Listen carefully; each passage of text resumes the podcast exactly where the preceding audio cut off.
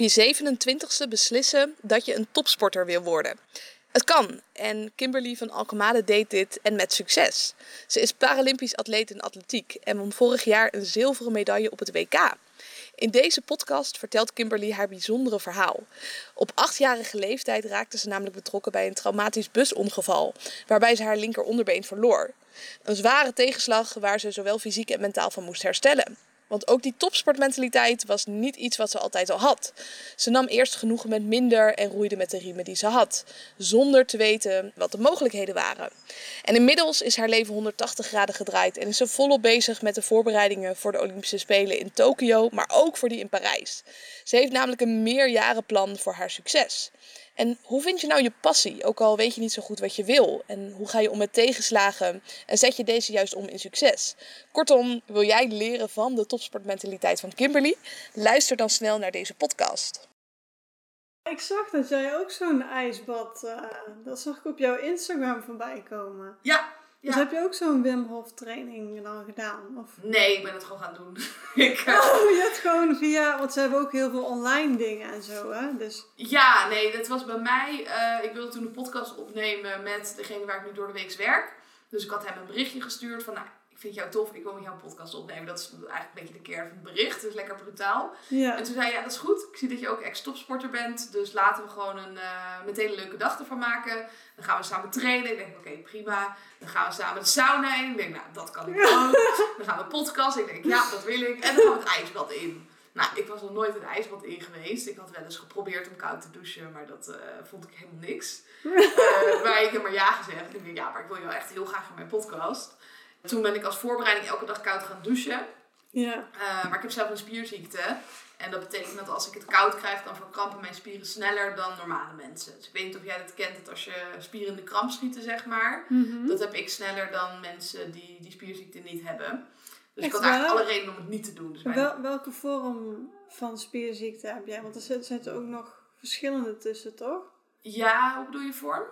Nou, ik weet van, um, van het meisje die ik kende met spierziekte, die Um, die, die had echt ook uitval. Van oh ja, nee, bij mij is het omgekeerde, zeg maar. Dus oh. dat, dat is uitval. Oh. En bij mij, zeg maar, als het te koud is, dan verkrampen mijn spieren. Maar het ja? bijkomstigheid is dus dat je spieren super, ja, super snel groeien. Dus ik heb een soort van een genetische afwijking, die dus ook heel voordelig kan zijn. Want mijn spieren die verkrampen sneller dan normaal. Dus zeg maar, in deze omgeving heb ik er geen last van. Maar, het gebeurt wel. Ik hoef letterlijk, letterlijk naar een dumbbell te kijken en ik kom in spiermassa aan. Omdat mijn spieren het eigenlijk de hele tijd doen.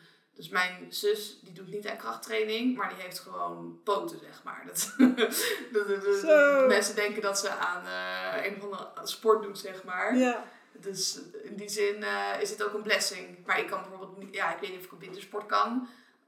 Maar ik heb nog nooit geprobeerd. Snowboarden? Uh, wat zei je? Ja, snowboarden heb ik één keer gedaan. Uh, maar nooit echt op wintersport, want mijn ouders die durfden dat niet aan. Dus andere mindset denk ik ook.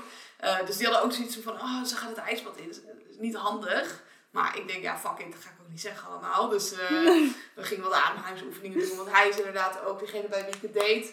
Die is ook met Wim Hof meerdere malen op reis geweest. En de Kilimanjaro in zijn zwembad beklommen. En ik denk, nou, dat komt wel goed. Want twee minuten in het ijsbad moet wel lukken. En dat ging eigenlijk ook hartstikke goed. En nu doe ik dat bijna elke dag. Dus, uh, maar jij hebt het ook gedaan, toch? Ja, ja ik, ik, doe het nou, ik doe er nou momenteel niks meer mee.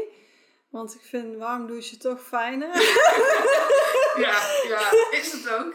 Ja, en, um, uh, maar ik heb er wel heel veel van geleerd. Ik heb gewoon, ja, je, je kunt zoveel meer dan je denkt. En uh, je kunt veel, veel meer je mind controlen, zeg maar.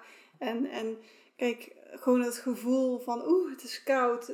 Dat kun je zelfs controleren met je mind, zeg maar. En dat, dat vond ik er heel bijzonder aan.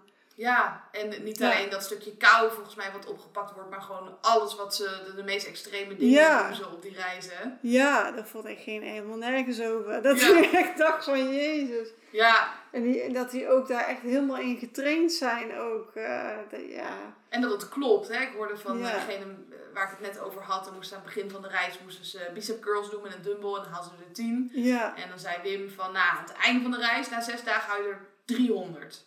Nou, had hij er geen 300, maar 150. Maar toch, hè, Ja. dat is gewoon een, een flinke verbetering. Ja.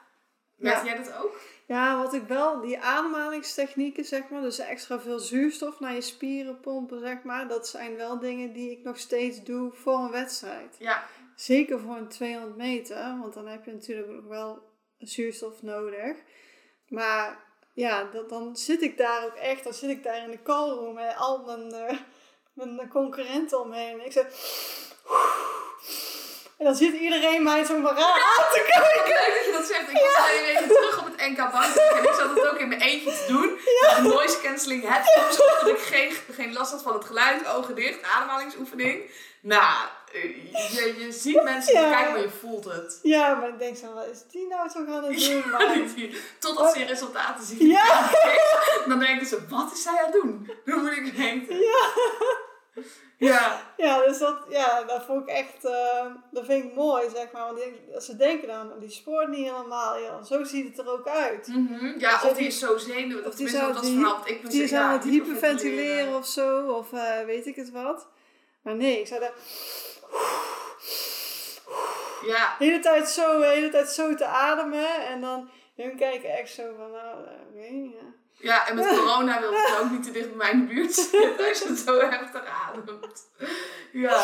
Dus ja, maar het helpt wel echt. Want daarna dan, dan heb je even, en dan voel je al die tintelingen en zo. Ja, ja, die adrenaline die Ja. stroomt gewoon door je lijf. Ja, Ja, en mijn hoofd wordt helemaal leeg als ik dat doe. Ja. Je let inderdaad alleen maar op je ademhaling. En dan, ja, als ze zeggen go, dan kan je Ja. gaan. ja. Dus dat doe ik dan nog steeds wel. Maar het is niet dat ik, eh, en soms wel eens ook voor bepaalde trainingen, dat ik denk van oké, hier heb ik wel echt even wat bij nodig.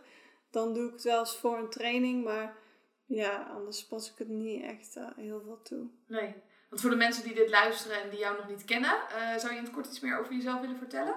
Ja, ehm, vertel wat over jezelf. Ja, ik, ik ben de vrouw die ehm, op haar 27ste besloot om haar leven te transformeren naar het leven van een topatleet. Ehm, die eerst in de gehandicaptenzorg werkte en gewoon het leven van een normale burger leidde. En nu het leven van een topatleet leidt. Dus ja, er zit heel veel ontwikkeling in. Hoe, hoe ging dat, die beslissing? Het begon eigenlijk eh, bij mijn eerste bleed. Eh, die kreeg ik op mijn 27ste, dus vrij laat. Eh, ik was op zoek naar, eh, ja, naar een actiever leven. En ik merkte dat mijn dagelijkse prothese mij daar een beetje in belemmerde. Een bleed, de, de meeste mensen die de podcast luisteren weten denk ik ook niet wat het is. Nee. Zou je iets meer context kunnen geven? Nou, een bleed is eigenlijk een sportprothese. Dus dat is een sportprothese die ervoor zorgt dat jij ja, kan joggen.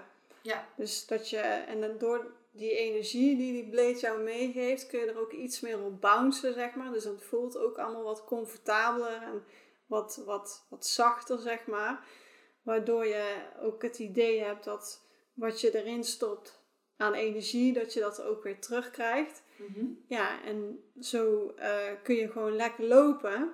En dat had ik daarvoor 19 jaar niet gekund. Dus als je dan in één keer zo'n bleed onder je krijgt en je hebt daarvoor 19 jaar die beweging eh, niet kunnen maken of niet kunnen joggen, omdat je werd beperkt door je dagelijkse prothese, want die geeft die energie niet terug. Ja. Ja, dan, dan, dan gaat er in één keer een wereld voor je open. Dan, dan voelt dat, dan voelt dat ook echt als, oké, 19 jaar kon iets niet en nou kan het in één keer wel. Dus dan voel je net weer een klein kindje die iets, iets nieuws... eh, Ja, niet voor het eerst op de trampoline springt Ja. en denkt, wow, ik ga omhoog als ik gewoon kracht zet. ja, ja, Ja. zo voelt dat. Ja, want voor de mensen die het luisteren, je hebt anderhalf been, toch? Ja, Ja, ja. precies. En toen had je dat moment dat jij eh, voelde van, wow, dit is gewoon die power. Was dat het moment dat je dacht, ik ga topatleet worden? Nee, dat nog niet. eh, maar het was wel het moment eh, waarop ik besloot van oké, ik wil iets meer gaan doen met, een, met sport en met een actieve leven. Dus ik, Was je toen sportief? eh, nou, daarvoor wel. Ik probeerde het wel. Ik deed snowboarden, boksen, ik ging naar de fitness. maar nooit echt dat ik, het, dat ik mijn tanden erin zette, dat ik een doel had en dat ik er helemaal voor, voor ging. Jij deed, gewoon, je deed Ik- het gewoon. Ja, ik was gewoon een beetje zoekende. Ik deed van alles wat wel. Maar ehm, ja, die blade die heeft mij eh, motorische eh, en mentale vrijheid eigenlijk gegeven. Dus, en dat komt mede ook door het feit dat als ik met zo'n blade loop, dan ziet iedereen dat ik een sportprothese heb. Dus iedereen ziet, oh, die loopt met een blade. Dus dan eh, is wat de buitenwereld ervan denkt. Door die blade leerde ik eigenlijk van dat het niet meer belangrijk is wat iemand anders ervan denkt. Ehm, want daarvoor was ik meer zo een beetje van de lange broeken dragen, weet je wel, dat niemand het ziet. En doordat ik met die blade ben gaan lopen, merkte ik dat ik hele positieve reacties kreeg van, van de buren. Weet je wel, dat je even dat rondje eh, op blokkie omdoet, zeg maar, in de buurt. En dan merk je in één keer van dat mensen, wow, wow, dat jij dat gewoon even doet. En, en gewoon, dat je krijg je eigenlijk juist weer heel veel respect voor. Ja, dus al die overtuigingen klopten eigenlijk niet die je had. Nee, al die, die, oh, die negatieve overtuigingen Ja, van van, je moet het verstoppen. ja, die, die klopte niet. En die, die blade, die liet mij dat eigenlijk inzien. Maar ook ikzelf eigenlijk, want ik maakte daarin een persoonlijke ontwikkeling door. Waardoor ik dacht van ja, hier wil ik meer mee. Maar ik wilde dus ook weten, wat kan ik nog meer met zo'n blade? Mhm. Dus ging ik dus in oktober 2017 naar de Paralympische Talentendag. En ik werd gescout voor zitvolleybal, voor snowboarden en voor atletiek. Mhm. Maar op atletiek kreeg ik echt heel duidelijk op een briefje: je bent geschikt voor de Nederlandse selectie Paralympische atletiek. Ik kan me nog goed herinneren dat de bondscoach ehm, Arno Mul, die daar eh, toen stond, die zei echt heel duidelijk van ja, meteen in mijn team. Ja, die wilde jou Nee, gewoon dat was- graag niet dat je bent geschikt. Maar, Ja, nee, dat was gewoon overduidelijk. Ja, maar je, had je zoveel talent? Of, eh, Ja, dat, blijk, ik had blijkbaar talent voor, voor, voor lopen. Vooral voor lopen, voor, voor sprinten. Werd toen al gezien. Ehm, ze moesten natuurlijk ook nog kijken van waar heeft ze nog meer talent voor. Maar het bleek toch vooral het sprinten te zijn. Toen ik eh, verder in het traject ging. Maar ik was wel, toen ik dat briefje kreeg. Toen had ik wel voor mijn gevoel meteen zoiets van... Oké, ik ben 27. Ik krijg deze kans. Ik ga deze pakken. Want ehm, ik krijg deze kans niet nog een keer. Dus ik moet er nu voor gaan. Ja. En ik was er ook klaar voor. Ik was er mentaal klaar voor. Ik was er fysiek klaar voor. Ik wilde ervoor gaan. Dus ik ging mijn team en mijn partner en alles regelen. Zodat ik ja, eh, van dagelijks voor andere mensen zorgen. Want ik werkte dat in een fulltime baan in de zorg? Ja, Ja. ja. Dus, dus mijn leven veranderde van dagelijks voor andere mensen zorgen naar dagelijks mezelf uitdagen. Jij die op één staat, Ja, eigenlijk in het geheel. ja. Hoe was die transitie voor jou? Nou, het voelde zeg maar als een soort zoektocht naar ehm, je wilt graag van je beperking je kracht maken. Alleen hoe? Ja. Hoe, eh, hoe wil ik dat doen? En daar was ik naar op zoek. En ik dacht misschien als ik in de zorg ga werken, in de gehandicaptenzorg, en ik ben als persoonlijk begeleider een voorbeeld met een prothese voor cliënten met een beperking. Toen dacht ik van oké, ik zit daar ongeveer wel mee in de juiste richting, maar ik ben er nog niet. Nee, Het- het was wel voldoende, maar nog niet... het was eh, nog niet, eh, nee, het, nog niet, het plaatje was nog niet compleet.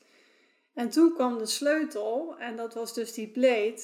En toen ging de bal rollen eigenlijk. Ja, toen kwam je in dat team. En als Ja. we eventjes ook terugspoelen, je zei van op mijn 27e was dat moment. Ik was al 19 jaar, was ik daarmee bezig.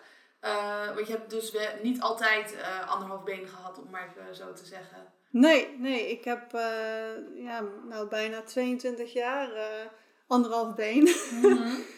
Dus eh, ik weet eigenlijk niet beter meer. Ik, ik zou niet eens weten meer hoe het voelt om twee benen te hebben. Ehm, maar dat is inderdaad gebeurd toen ik acht jaar was. Een traumatisch busongeval. Waarbij uh, moeder ook om het leven kwam. Ja, ik vloog door de bus heen en het gebeurde in een fractie van een seconde. Botsing tegen een vrachtauto. Die, die bus, bus deukte in. Mijn been, die, die lag gewoon nog in de bus, zeg maar. Dus ik, ik vloog zonder mijn been, vloog ik door het glas heen. En kwam ik 100 meter verder, ergens in de berm terecht. En uh, ja, dat was een kwestie van leven of dood. Trauma-helikopter, ja, die, die, kwam, uh, die kwam zo snel mogelijk. En die moest mij naar het dichtstbijzijnde ziekenhuis brengen. Want er was gewoon geen tijd.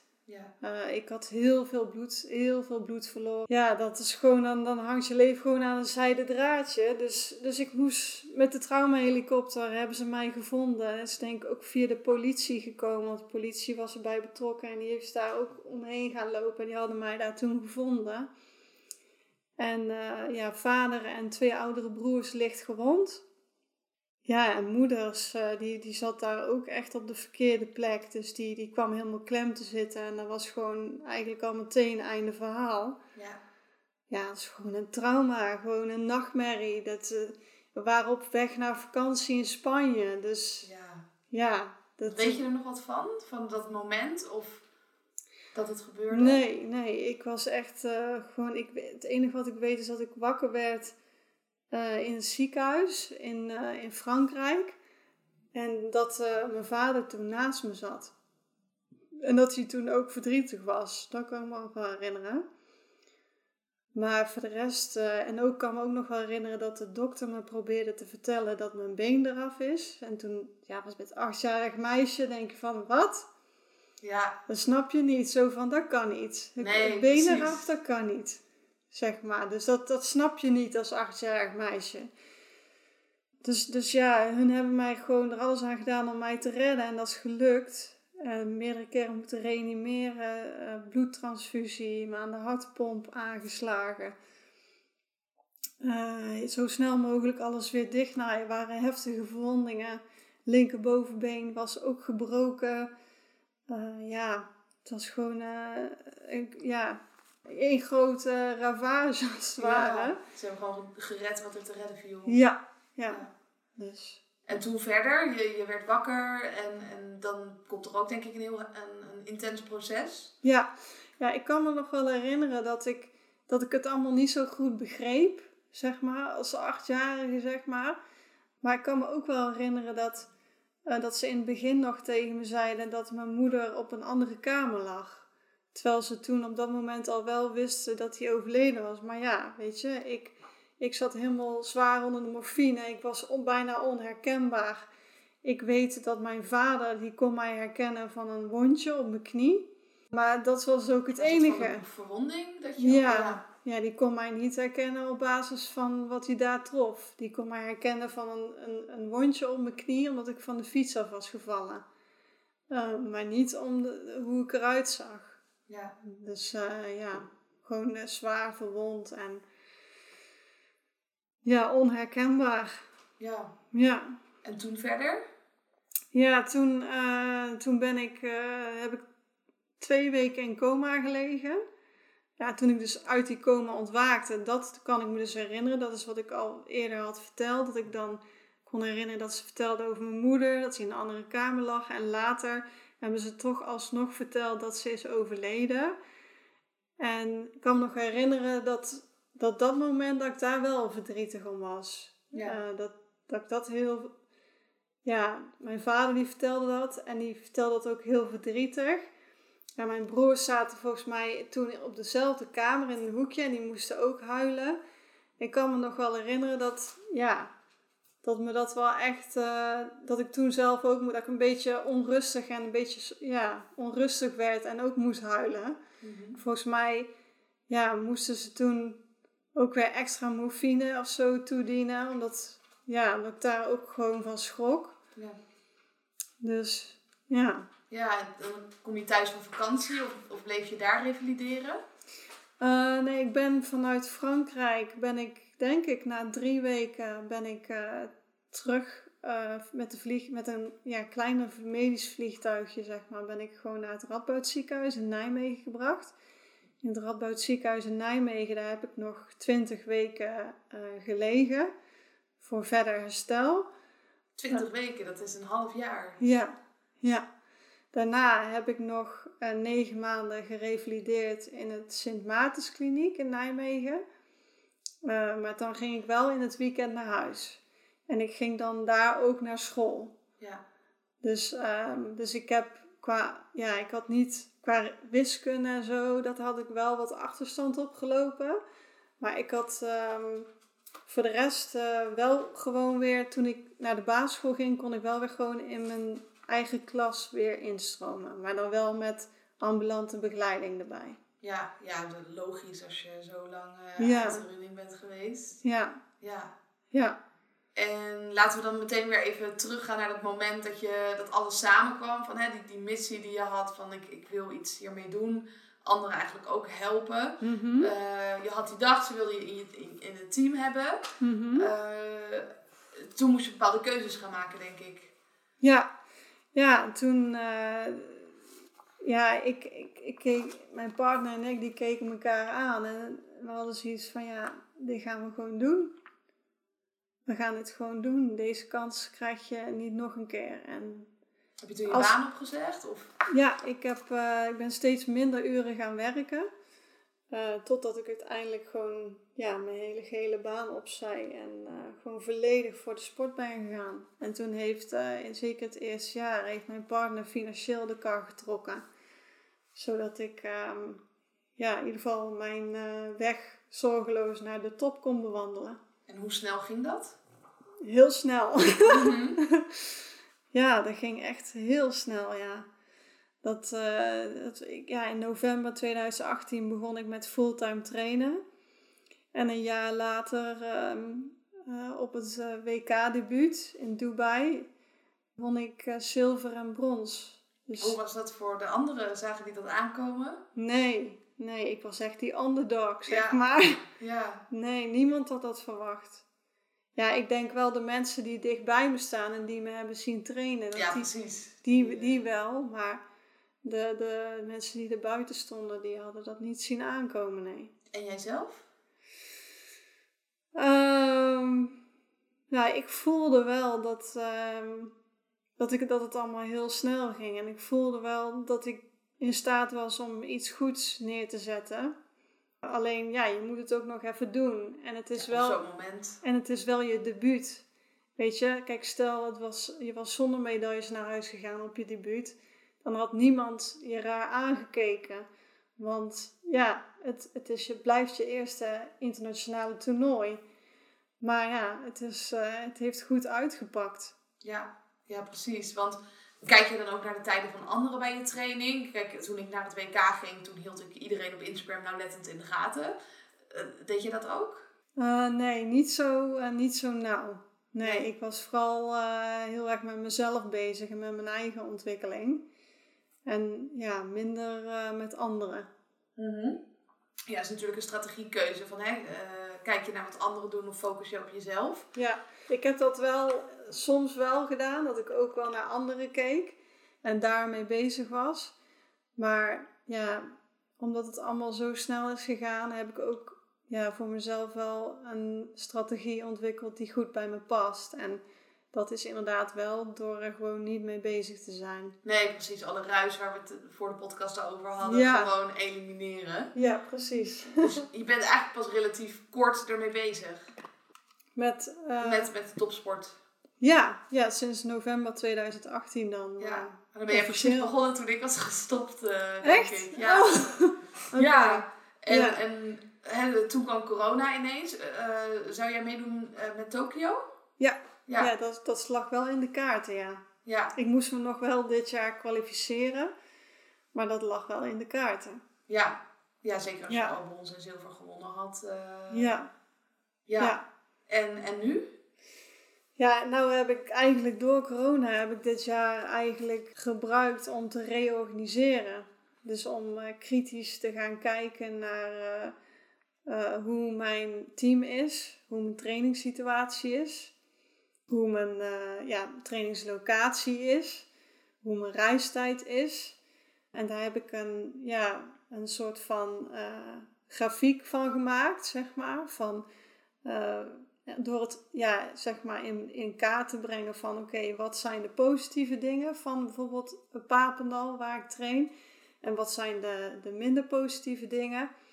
En naar welke situatie zou ik graag willen, waardoor ik het gevoel heb dat ik het best op mijn recht kom. Ja. Dus En- echt even uitzoomen. Wat is mijn A-punt? Wat is mijn Ja. B-punt? Ja, dus dat heb ik eigenlijk gedaan. Dus ja, en, en toen zag ik die lijst en toen zag ik van nou, hè, Papendal scoort in principe best wel hoog qua, qua omstandigheden, Ze zeg hebben maar. alles. Ja, ze hebben alles. Ik bedoel, je traint daar met de top van de wereld.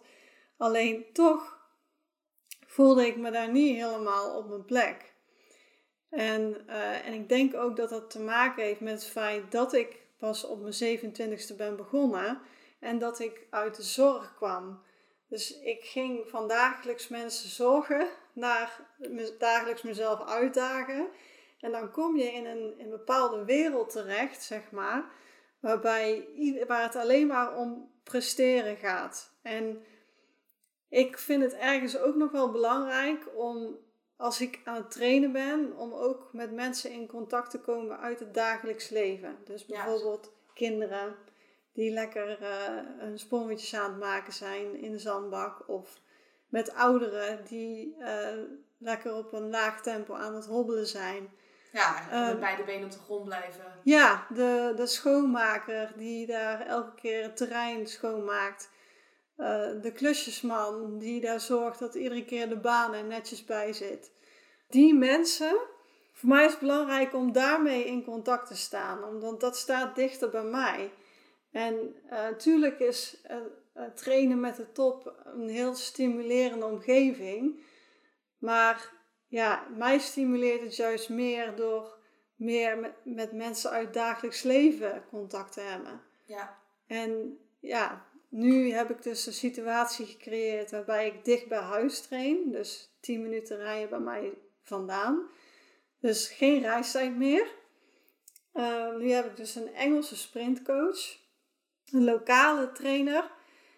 En eh, ja, mijn fysio is mijn eigen broer, zeg maar. Dus dat voelt allemaal zo vertrouwd en zo goed. Ja, en dan heb ik dus ook nog de club, wat, het al, ja, wat, wat een heel... Het voelt als een warme deken daar. Ik, Dus dat is voor jou eigenlijk het belangrijkste. Als we kunnen kijken van wat is Ja. de les hieruit. Ook al heb je het voor de buitenkant allemaal. Zou iedereen Ja. ga naar Papendal. ja, Voel voor jezelf wat past bij mij. Als het niet past, maak dan ook gewoon de keuze om het anders te doen. ja, Ja. Ja, dus ik heb al die afwegingen naast elkaar gelegd. En toen kwam daar een bepaalde score uit. En ja, toen heb ik ja, gekozen voor deze situatie. En nu heb ik ook echt het gevoel dat ik, weer, dat ik kan landen. En dat ik, dat, ik, dat ik een plan kan maken voor vier jaar. En dat heb ik nu ook. En ik, en ik kan me de tanden inzetten. En het is goed nu. Wat is je plan voor over vier jaar? Voor Nou. de komende vier jaar? Nou ja, je hebt dan volgend jaar Tokio. Mhm. Het jaar daarna is het wereldkampioenschap, ook in Japan. Daarna nog een wereldkampioenschap. En daarna de Paralympische Spelen in Parijs. Mhm. En ja, het doel is wel om in Parijs de, de beste alle tijden te zijn. Een wereldrecord gaan neerzetten. Ja, dat zou mooi zijn, ja. Ja, ja dat, dat, tenminste dat vertaal ik. Hè. Beste alle Ja. tijden is, Ja. is een wereldrecord, denk ik, toch? Ja, Ja. ja, Ja, droom lekker groot. Ik zeg altijd juist van droom groot. Want als je te klein droomt, dan kom je ook niet in beweging. Nee, en, en dat, dat, zo zie ik het wel. Dat, dat Parijs eh, de kers op de taart gaat zijn. En Tokio is een, een, ja, gaat wel een, een grote stap zijn. ehm, dichter bij een beter resultaat. Maar ik, ik, ik, ik wil de beste, echt de, de beste alle tijden wil ik in Parijs zijn. Dus dat is ook het doel. En daar zijn we naartoe aan het werken. En ja, ik voel me gewoon zo fijn in deze situatie. Het geeft zoveel rust, Ja. zoveel stabiliteit. Ik zie mijn honden vaker. Lek- ook heel happy van. Ja, eh, knuffelen, lekker wandelen buiten. Ik heb meer tijd voor mijn vrienden en mijn familie. Ik was ook de hele tijd eh, alsof ik het gevoel had alsof ik in een soort van cocon zat, weet je. Tokio, Tokio, Tokio, Tokio. Maar toen realiseerde ik mij dat het toch ook belangrijk is dat je als mens ook gelukkig blijft. absoluut dat je wat dingen ernaast ook houdt. Ja, Ja. ja. En ja, daar heb ik me gewoon gerealiseerd en daar heb ik nu ook de tijd voor. Ja, dus hou niet één doel. Nee, En, en sta je niet blind op één doel. Nee. Of dat nou een sportwedstrijd is of, of eh, Ja. wat dat dan ook is. Maar zorg dat je meerdere dingen houdt eh, waar je op kan focussen. Ja, maar ook gewoon de dingen die jou gelukkig maken, die je als mens ook gelukkig maken. Bijvoorbeeld een bezoek aan je vriendin of, een of je vader. Of eh, dat je samen even lekker koffie gaat drinken in de stad. Of weet je wel, dat soort dingen. Ja, je hoeft helemaal niet in een soort bubbel te leven. Nee, dat hoeft helemaal niet. En, eh, maar dan moet je het wel goed regelen voor jezelf, Ja, zeg maar. En ik, ik heb heel veel over voor, om, om de beste te zijn, maar niet alles. Want Nou, en ik denk ook vanuit die mindset dat, het, dat de grootste kans is dat je het gaat lukken. Dat het gaat lukken. Want je hebt een soort van optimum tussen inzet en resultaat. En als je nog meer gaat inzetten, betekent niet automatisch dat je ook Nee. nog meer resultaat gaat behalen. nee, daar geloof ik niet in. Nee. Nee. En die rust natuurlijk die ook belangrijk is. Wat je zegt, hè? lekker met de honden zijn, lekker buiten wandelen, Ja, met familie zijn. Juist eventjes uit die sport. ja, Ja. ja, dat vind ik super belangrijk. En als we even Ja. kijken aan de sport, hè? eh, dat, dat vierjarenplan. Wat moet je doen om de beste aller tijden te worden? Wat is jouw strategie? Welke dingen horen daar bijvoorbeeld bij? Nou ja, in ieder geval dus ontdek de plek waar jij het best tot je recht komt. Mhm. Eh, nou, die heb ik gevonden. Ehm, verzamel een team om je heen waarbij jij ook het gevoel hebt dat je het best tot je recht komt. Ja, stel korte en lange termijn doelen. Ja, de vierjarenplan, die heb Ja, je, maar... Dus lange termijn is dus over die vier jaar, overkoepelend. Maar stel ook korte termijn. Wat doe je deze week? Eh, dus leef van dag tot dag. Ehm, ga niet te veel alleen maar met Tokio, Tokio bezig zijn. Maar ja, bekijk het gewoon per week. Hoe, wat moet je die week doen? En die trainingen die, eh, die draaien. En dan volgende week dan wordt de training waarschijnlijk weer wat zwaarder. Dus dan zit er een opbouw in. En zo bekijk je het per dag. En kijk je om per dag en per week wat je van jezelf kunt vragen tijdens de trainingen. Ja, dus jezelf wel een beetje stretchen, Ja, maar niet te veel, niet te weinig. nee. Ja, Ja. Ja, en, ja, en ook gewoon de speler zijn van jouw leven. en wat bedoel je daar precies mee? Dat jij eh, niet streeft volgens de verwachtingen van anderen. Want kijk, de meesten zouden denken van ja, je gaat toch naar Papendal, want dat is toch, dat is toch het beste. Daar heb je het beste van het beste. Maar dat hoeft niet voor iedereen zo te zijn. Nee. En als jij dus gaat leven volgens de verwachtingen van anderen, ja, maar anderen denken, het, denken er zo over en die vinden dat zo, dan ben je dus niet eh, voor jezelf aan het denken. Ja, dan leef je niet je eigen leven. Nee. Ja. En als we ook even inzoomen op dat stukje mindset. Hoe blijf je mentaal sterk? Hè? Eigen keuzes maken. Eh, wat nog meer? Wat belangrijk is, is dat je een team om je heen hebt die ook jouw zwaktes, dus ook de dingen die jij moeilijk vindt, dat die, eh, die juist weer versterken bij jou of jou daarin ondersteunen. Ik ben, ik ben bijvoorbeeld iemand, ik kan bijvoorbeeld soms heel erg in mijn hoofd zitten Mhm. en dingen overanalyseren. Maar als ik een, eh, ja, een coach heb die, die echt rust uitstraalt. En ja, dat heb ik bijvoorbeeld bij Joep en Keith, zeg maar. Dan, dan praat ik met ze. En dan word ik al rustig door de manier hoe ze praten, Ja. zeg maar. En dat, dat is wat je graag, wat is wat je graag wil. Dat jij gewoon ontspannen, eh, met een ontspannen setting om je heen, gewoon je trainingen kunt doen en gewoon onbezorgd kunt trainen. ja, Je kunt focussen. precies. En je zei, ik, ik merk inderdaad dat ik snel in mijn hoofd schiet. Ja, Nou, totdat je trainers je erbij kunnen helpen. ja. Wat doe je als, als je hen niet spreekt? Hoe krijg je rust in je hoofd? Hoe, hoe herstel je dat? Nou, dan ga ik bijvoorbeeld met de honden wandelen. Dat helpt me heel erg. Of ik ga studeren. Maar ik heb je aandacht verleggen op iets anders. Ja. ja, of ik ga ja, in ieder geval iets van afleiding zoeken. En wat ik ook wel eens doe, is soms een meditatie opzetten. Via zo'n app, eh, Calm. Mhm. Eh, dat is zo'n 10 minuten meditatie en dan, die zet ik dan wel eens op. Of ik ga lekker in bad liggen en dan eh, muziekje aan, een kaarsje aan. En ja, dus ik merk eh, ja, dat dat nu wel goed, goed afgaat. Maar dan moet je wel de juiste mensen dus om je heen hebben. Ja, dat het ook allemaal mogelijk is. Hè? Dat je Ja. lekker inderdaad in bad kan gaan en niet nog Ja. eigenlijk aan het werk zou moeten en Nee, dingen zou moeten doen. ja, Ja. ja. En hoe ga je om met die spanning? Want je zei, ik, ik ging naar die wedstrijd en inderdaad in de, in de training gaat het heel goed, maar op de wedstrijd moet het ook nog maar gebeuren. ja. Je vertelde net al over de wedstrijd, zodat je die aanhalingsoefeningen daar te doen. Was dat ook om met de spanning om te gaan? Ja, Ja. Ja, zeker. Ja. Ja, dat ehm, was voor mij gewoon een manier om dat ik in ieder geval mezelf het gevoel geef van ja, jij hebt de controle. Dus Precies, in ieder geval over je ademhaling. ja, in ieder geval over wat je straks moet gaan neerzetten en wat je straks gaat doen. Dus ja, Precies. En wordt het elke wedstrijd, is dat net zo spannend of neemt dat af? Nou, ik moet zeggen dat ik op het WK in Dubai, ondanks dat het zo spannend was, eh, op het moment dat ik de callroom uit kwam gelopen, ja, voelde ik wel alsof er ook een, soort, toch ook een soort rust over me heen kwam. Van ja, weet je, het is, het is, het is gedaan, het is klaar. Je hebt je werk gedaan en nu moet je het gewoon eh, laten zien. Ja, je kan er eigenlijk niks meer aan veranderen. Nee, ik kan niks meer aan veranderen. Het, het, is, het is klaar. Je hebt al je werk gedaan. Nu ga je het gewoon laten zien wat je, wat je kan. Ja. Ja, precies. Ik denk dat het ook een hele fijne houding is om erin te staan. Ja, Op die manier. ja. Ja. En heb je sindsdien nog wedstrijden gehad? Dit jaar? Nee, sinds, die, sinds het WK?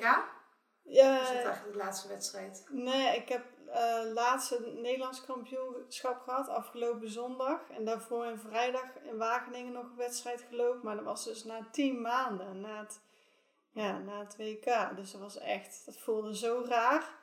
Helemaal wennen. Ja, ik voelde me helemaal niet in, eh, in vorm. Omdat eh, ja, ik natuurlijk bezig was met die reorganisatie. Maar ook, ik was ook bezig met een nieuwe blade. Vanuit, eh, vanuit Japan hebben ze een nieuwe blade gestuurd richting mij om te testen. Daar was ik mee bezig. Mag je alle soorten blades gebruiken of zijn er nog bepaalde eisen aan? Nee, nee, in principe niet. Er zijn geen eisen aan. Dus Nee, ja, je hebt wel je dubbelbladers, die hebben wel eisen aan de lengte van hoe lang ze mogen zijn, maar bij enkelbladers ja, niet echt. zit daar nog een groot verschil in qua snelheid? Of is dat echt eh, minimale verschillen? Ja, dat is heel lastig te zeggen. Je kunt het een beetje vergelijken met de Formule 1, weet je wel. Dan heb je ook Mercedes, Honda en Ferrari. Ferrari, alle verschillende merken. Maar dat is in de blades. In de blades zit dat eigenlijk ook zo. Heb je ook verschillende merken. En je moet eigenlijk op zoek gaan naar een blade die jou ondersteunt in jouw looppatroon zoals jij van nature loopt. Want zoals jij van nature loopt en wat al goed is, dat moet ook goed blijven. En eh, je zoekt eigenlijk een blade die jou daarin in balans brengt. Dus moet je ook wel andere merken en verschillende dingen testen om te voelen van oké, maar wat is dan voor mij, wat voelt voor mij dan het beste? Ja, En dus daar ben ik ook naar op zoek geweest. En daar heb ik ook weer een keuze in gemaakt van oké, die gaat het worden. Dus daar hoef ik me ook niet meer druk om te maken. Dus ja, ondanks al die reorganisatie en die keuzes die ik dit jaar dan gemaakt heb, eh, heb ik die wedstrijden dan gelopen. En dan voor mijn gevoel gewoon aangetoond dat ik, ja, dat ik vorm, vormbehoud heb. En dat ik op de goede weg zit weer. ja je zei het was weer even wennen om ook überhaupt een wedstrijd te doen. Ja. Met alle verschillende dingen. Ja. Geeft dat ook weer meer vertrouwen in de wedstrijden die gaan komen? Ja, ja, ik heb die wedstrijden die ik dan eh, bijvoorbeeld afgelopen zondag heb gelopen. Dan geeft mij gewoon vertrouwen dat er weer een stijgende lijn in zit en dat ik gewoon weer op de goede weg zit. Ja. En, eh, en dat ik het allemaal gewoon goed heb geregeld voor mezelf. Ja, want wat was de uitslag van de wedstrijd? Eh 1333. Dus dat is een zuchtje van het Paralympisch limiet verwijderd. Ja, en welke afstand ren je dan? De- 1330 is het Paralympisch limiet. En eh, ik zit er niet helemaal in. Wat bedoel je daar precies mee? Is dat de tijd die je Op hebt de- neergezet? op de Of 100 oh, de meter. 100 meter, ja. Ja, ja. Ja, dus ik heb de 100 meter gelopen. Want ja, ik had dus ook geen tijd om bochten te trainen. Door, door die nieuwe blade. Ja. Ren jij sneller dan eh, de reguliere eh 100 meter sprint? Of is dat ongeveer gelijk? Eh, nee, nee, daar zit wel wat verschil in.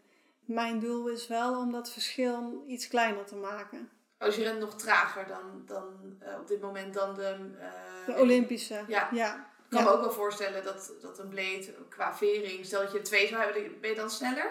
Nee, Ook niet. nee, dat is nooit bewezen. Er heeft nog nooit iemand met blades het eh, Olympisch wereldrecord verbroken. Oh, oké. Ja, dat is misschien het beeld wat ik heb. Dat ik denk, nou, dan... dan... Ja, dat hebben de meeste mensen. dat is wel grappig, maar dat is echt niet zo. Nee. Nee, de technologie is nog niet zo ver dat we even hard kunnen, zeg maar, als, eh, als Olympische atleten. Want als dat zo was, dan hadden we gewoon mee kunnen doen met de Olympische Spelen. Ja, of juist niet, want je hebt een soort van Ja, ja. een voordeel. Dus dan, dan mag je niet meer meedoen. Nee, nou precies dat. Ja. Ja, dat idee had ik. Jullie zijn gewoon beter. Dus dan hebben jullie wat aparts. Want anders zou het eh, met alle technologie inderdaad niet meer eerlijk zijn. Net zoals dat we Ja. op een gegeven moment bij het zwemmen zoiets hadden van die haaienpakken, die schrappen we maar. Mhm. Want dit wordt te bizar met alle wereldrecords die constant verbroken werden. Ja, ja en nou, we lopen zeker, eh, als je kijkt, eh, het wereldrecord bij mannen met, met blades is 10,5. Ja, dat is gewoon wel echt stevig. Ja, En eh, het wereldrecord bij de vrouwen is 12,66. Ja, bij de vrouwen zit er wel echt heel veel ontwikkeling in, in onze klasse. Dat, dat, dat gaat echt de goede kant op. Maar we weten bij de vrouwen eigenlijk nog helemaal niet hoe, ja, hoe hard het echt kan. en hoe kan dat? Is dat door de technologie? Of... Ja, dat heeft ook denk ik te maken met, eh, met het aantal atleten die, die meedoen. Dat is beperkt, denk ik. vergeleken met mannen. Ik denk dat er evenveel landen wel meedoen. Maar ja, het is gewoon eh, nog weinig over bekend. Alleen als je kijkt naar bijvoorbeeld het Paris limiet. Ik denk dat het limiet eh, een aantal jaar geleden veel minder scherp was dan dat het nu is. Dus het niveau Dus gaat... eh, Het niveau, het niveau gaat omhoog. Want ehm, ja, in het verleden won je medailles met een 13-3. En nu win je medailles als je een 12 hoogle rent op een 100 meter bijvoorbeeld. Of, ja, of een 26 laag eh, loopt. Ja, is goed denk ik dat het niveau omhoog gaat. Maar dat betekent Ja. voor jou denk ik ook dat je... Motivatie natuurlijk. ja, dat je gas bij moet geven. ja. Ja, Ja, dus ik, ik, voor mij betekent dat ik eigenlijk precies op het juiste moment ben ingestapt. precies. Dat had ik ook met powerliften. Dat het, het, Ja. het niveau ging heel erg omhoog toen het begon. Ja, Maar als je dan inderdaad in bent gestapt, dan kan je nog een beetje mee. Zeker als je aanleg hebt en, en veel progressie maakt. ja, Dan, eh, ja weet je, dat is gewoon motivatie. Ja, dus hoe belangrijk is motivatie voor jou? Ja, eigenlijk heel belangrijk, want ik vind gewoon, ik krijg motivatie van ieder stapje dat ik weer een beetje beter word. En, en dat ik me weer wat, wat sneller voel en lekker kan vliegen over de baan. Dat, daar, daar zit mijn motivatie. En hoe kan het dat jij er zoveel motivatie uithaalt? Want er zijn ook mensen die stappen maken en denken, ja, maar ik ben nog niet bij mijn einddoel. Hè? Dat is niet zo heel belangrijk. Wat maakt dat het jou zo motiveert? Nou, ehm, het, het geeft mij gewoon een heel goed gevoel als ik weer een ja, dichter bij een beter resultaat ben. En ik vind dat je moet genieten van het proces. Weet je, eh, als je alleen maar blij bent als je je einddoel hebt behaald. Je moet juist ook blij zijn als je gaandeweg ook progressie maakt en kleine stapjes zet. Ja, en ik denk dat het ook scheelt dat je die überhaupt voor jezelf uitdoktert. Hè? Van dit ga ik deze Ja. week doen. Ja, en Eh. zo hou, behoud ik ook een beetje positieve mindset. En eh, ja, dat, dat is voor mij gewoon heel belangrijk. En ben je altijd gemotiveerd? Of zijn er ook van die dagen dat je denkt, nou, pff, weer kracht trainen, weer rennen, ik heb Ja. geen zin in. Tuurlijk, ja. En dan? ja. Ja, dan, ja, dan zet ik mijn schouders er weer onder en ik ga er weer voor. Maar vaak zijn die dagen, dan zet je nog best wel iets goeds neer. Dat is heel bizar, want dan, Ja. dan ga je naar de baan en dan denk je, oh, zo verschrikkelijk moe. En dan, dan weet je toch vaak weer iets eruit te krijgen dat je denkt van, oké.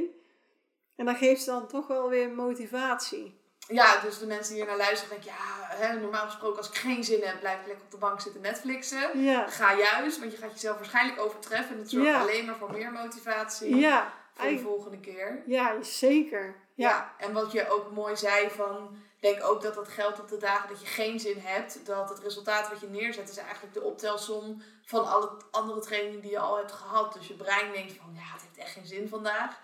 Maar het is niet waar. Nee, dat hoeft, nee, dat hoeft zeker niet zo te zijn. Nee, je, je kan, wijs, en dat kan ook voor een wedstrijd. Het kan ook dat je voor het wedstrijd een gevoel hebt van, nou, ik krijg mijn benen amper omhoog en zelfs traplopen eh, is al te veel gevraagd. En dat je dan in één keer een PR loopt, Ja, zeg maar. Dat, dat kan gewoon. ja, ja precies. Dus, Dat, eh, je ja. lijf kan zoveel meer dan je denkt. ja, Ja. ja, En aan de andere kant is ook rust natuurlijk heel belangrijk. We moeten ons niet te veel gaan overvragen en altijd maar doorgaan. Mhm. Hoe houd je die balans? Nou ja, dus eigenlijk eh, doordat ik het nu eh, zo geregeld heb, dat ik weinig reistijd heb, dat thuisbasis mijn rustbasis is, heb ik mijn trainingen nu iets meer verdeeld over de week. Hoe vaak train jij? Eh, in totaal negen keer. Ja. Dus, ehm, nou ja, tien keer. Dus ik heb drie circuits, twee krachttrainingen, drie looptrainingen, één fietstraining en een hersteltraining. En dat heb ik dan verdeeld over zes dagen. Dus dan heb ik vaak ook dagen dat, eh, tussen zitten dat ik de andere helft van de dag vrij ben. En dan heb ik dus tijd om te rusten, om met mijn honden te knuffelen, om eh, lekkere lunch eh, te maken. Ja, dat soort dingen. Ja, en dan zeg je mooi lunch maken eh, qua voeding. Hoe stem je dat af? Ik heb wel echt een, een schema, zeg maar, wat helemaal is afgestemd op mij. Dus mijn ontbijt, mijn lunch, mijn avondeten en eventueel tussendoortjes die ik mag pakken. Dus ik begin dan altijd in de ochtend met een eh, Griekse yoghurt met wat ja, BCA, BCCA'tjes, eh, wat eiwitpoeder, eh, ja, wat eh, granola, eh, rood fruit, dat soort eh, zaken. En dan een koffietje erbij. En, natuurlijk, koffie, dat kan natuurlijk niet ontbreken. Ja, nee, ik ben helemaal gestopt met koffie drinken. Dus Ja? ja, Oh, en hoe voelt dat? ja, fantastisch. Echt? Ja, koffie is betalen met een creditcard. Hè? Je gaat energie gebruiken die je eigenlijk niet hebt. Ja. Dus ik, ik was ook een groot koffiefan. Ik vind koffie heerlijk. Ja, dat is echt Maar lekker. het is veel stabieler op het moment dat je het niet meer doet. Maar ik, ik, ik dronk ook altijd koffie in de ochtend. Dus dat herken Ja. ik heel erg. Ja, maar ik pak echt één bakje hoor. Dus Ja. soms een espressootje of soms een cappuccino. Maar voor de rest, de rest van de dag drink ik geen koffie. Ik bedoel, als ik kijk naar mijn partner, die drinkt soms wel zes koppen Ja. per dag. Een klant van mij dronk acht koppen koffie en die is ook cold turkey gestopt. Oh, Als ze wikkelen deed. Ja, maar ik gebruik het wel, de cafeïne dan, als ik wedstrijden doe. ja, Omdat je lichaam er niet aan gewend is, dan hoef je eigenlijk maar twee kopjes koffie te drinken. ja. Nou, mijn lichaam reageert er echt als malle op. Ja, Ja, en dan in de middag, eh, dan vaak iets van kip en groente. Wok ik dan bij elkaar. Of ik, ik laat dat eh, in bouillon eh gaar koken. En dan maak ik er eh, gewoon een, een mengelmoesje van. Ehm, ja, of ik pak gewoon, of ik maak in de ochtend pool chicken. Weet je wel, dan, en dan van die speldbroodjes erbij. Ehm, ja, en dan tussendoor vaak een handje cranberries of een handje noten. En dan in de avond vaak een, een ja, bruine rijst met groenten of, of vis of tofu of kip. Ik ben wel iemand die niet te veel vlees eet. Is niet dat ik elke dag vlees eet. Eh, ik, ik heb ook wel dagen dat ik vegetarisch eet. Dus dan pak ik gewoon vleesvervangers, zeg maar. Dus inderdaad tofu. ja. Veel fruit, groenten. Maar ook wel supplementen, zeg maar. Zink, probiotica, multizone B6, vitamine C, eh, magnesium, al dat soort dingen. Daar vul ik mee aan. Ja, en dat gaat eigenlijk wel goed. En, en verleidingen, hè? Het eten chocola, snoepjes, alcohol, doe je dat helemaal niet? Of Ja, dan moet toch de waarheid naar boven mag komen. Hoop dat je Koos niet luistert.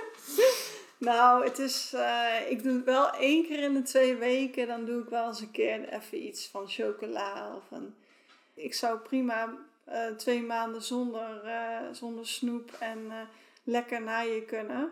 Duizend jaar geleden hadden we het überhaupt niet. Dus, Nee, dat- Nee, maar ja, weet je, ik vind niet dat je te streng moet zijn. Ik, eh, je moet ook nog wel een beetje, een beetje kunnen genieten en kunnen leven. En ik, ik woon hier voor niks in eh, Den Bosch, dat is een Bourgondische stad. dus ik ga ook af en toe wel eens een keer gewoon sushi eten, weet je wel. Dat, dat is mijn lievelingseten. Dus ja, dan ga ik me niet eh, laten onthouden. Nee, dus het gaat echt om die balans. Dat je Ja. eh, normaal gesproken goed eet. Ja, En af en toe dat je ze popcorn bij de film neemt. Dat eh, ja. ga je waarschijnlijk niet heel veel trager door rennen. Nee, nee. Nee, nee. Nee. precies. Nee. En we hadden het al eventjes over de toekomst. Over de doelen die je nog hebt. Mhm. Eh, vooral op het gebied van, van rennen. Maar je bent ook aan het studeren. ja. Wat zijn daarmee je, je doelen? Wat zou je voor de toekomst willen?